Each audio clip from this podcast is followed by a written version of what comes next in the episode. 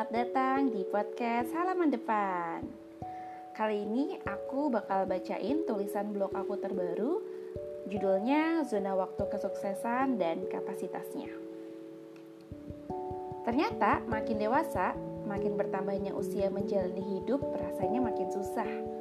Makin banyak orang yang dikenal, lingkungan yang makin luas, gaya hidup yang sedikit bergeser, makin sulit mempertahankan visi hidup Iya, selalu tergoda dengan rumput tetangga. Belum lagi efek media sosial. Tetangga jauh saja harumnya sudah bisa kita hirup dari sini.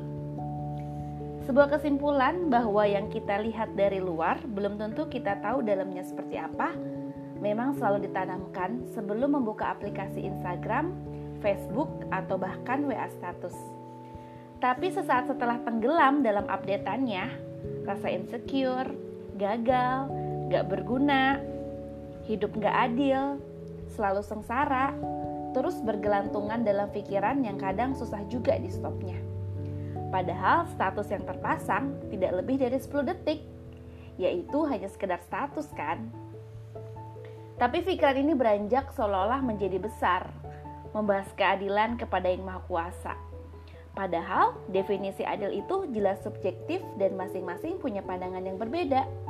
Dan pastinya yang di atas jelas lebih tahu kadar kebutuhan manusianya.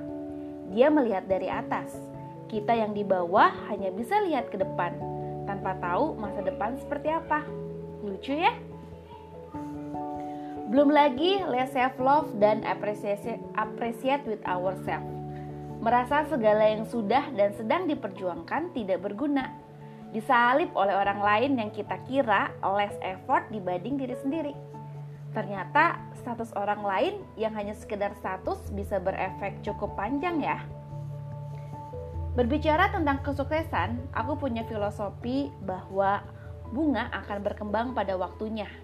Kalau diibaratkan dengan sesuatu yang lebih mudah dan hasil obrolan dengan suami, akhirnya aku tarik kesimpulan kembali bahwa kesuksesan memiliki zona waktunya masing-masing. Seperti waktu, Mungkin di sini sedang siang dan di belahan dunia lain sedang malam. Karena bumi ini berputar, sama seperti roda kehidupan yang juga terus berputar. Mungkin saja dia sedang sukses sekarang. Siapa tahu besok bagian kita kan? Zona waktu akan terus berputar sesuai arahnya. Meski kita berusaha sangat keras luar biasa untuk merubah arahnya, hal itu tidak akan terjadi dan mustahil bisa berubah. Kalau kata Gita Saf, untuk sesuatu yang sudah Tuhan gariskan nanti, kenapa kita harus membuang waktu, usaha, emosi untuk sekarang yang jelas akan didapatnya nanti? Gitu katanya.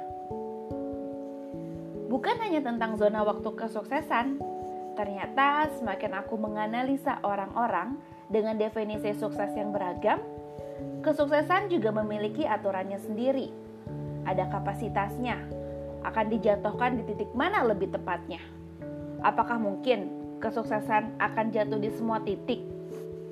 Kalau kita ber pernah bertemu orang yang sempurna dari sisi materi, memiliki anak yang sehat dan lucu, pekerjaan atau usaha yang stabil, agamis, dan baik hati, akan tetapi kita tidak tahu di dalam hati orang tersebut bagaimana. Apakah bahagia? Apakah selalu khawatir hartanya akan berkurang? Apa lebih worry karena punya anak-anak yang lucu, dan hal lain yang tak terlihat oleh mata. Pun sama, kapasitas kesuksesan setiap orang berbeda-beda. Ada yang lancar urusan keluarga, harmonis, memiliki anak, keluarga hangat, namun sulit di materi alias pas-pasan. Ada juga yang sukses di karir, menjadi wanita mandiri, baik hati, namun sulit bertemu jodohnya. Ada yang hebat secara materi, pintar, inspiratif, tapi belum juga mendapat momongan. Ya, meskipun zona waktu akan menghampiri suatu saat nanti kepada kita, akan tetapi kapasitas yang Tuhan beri pun mungkin saja berbeda-beda. Apa yang sudah diberi olehnya selama ini mungkin terasa kurang, tapi baginya ini sudah lebih dari cukup untuk kita syukuri.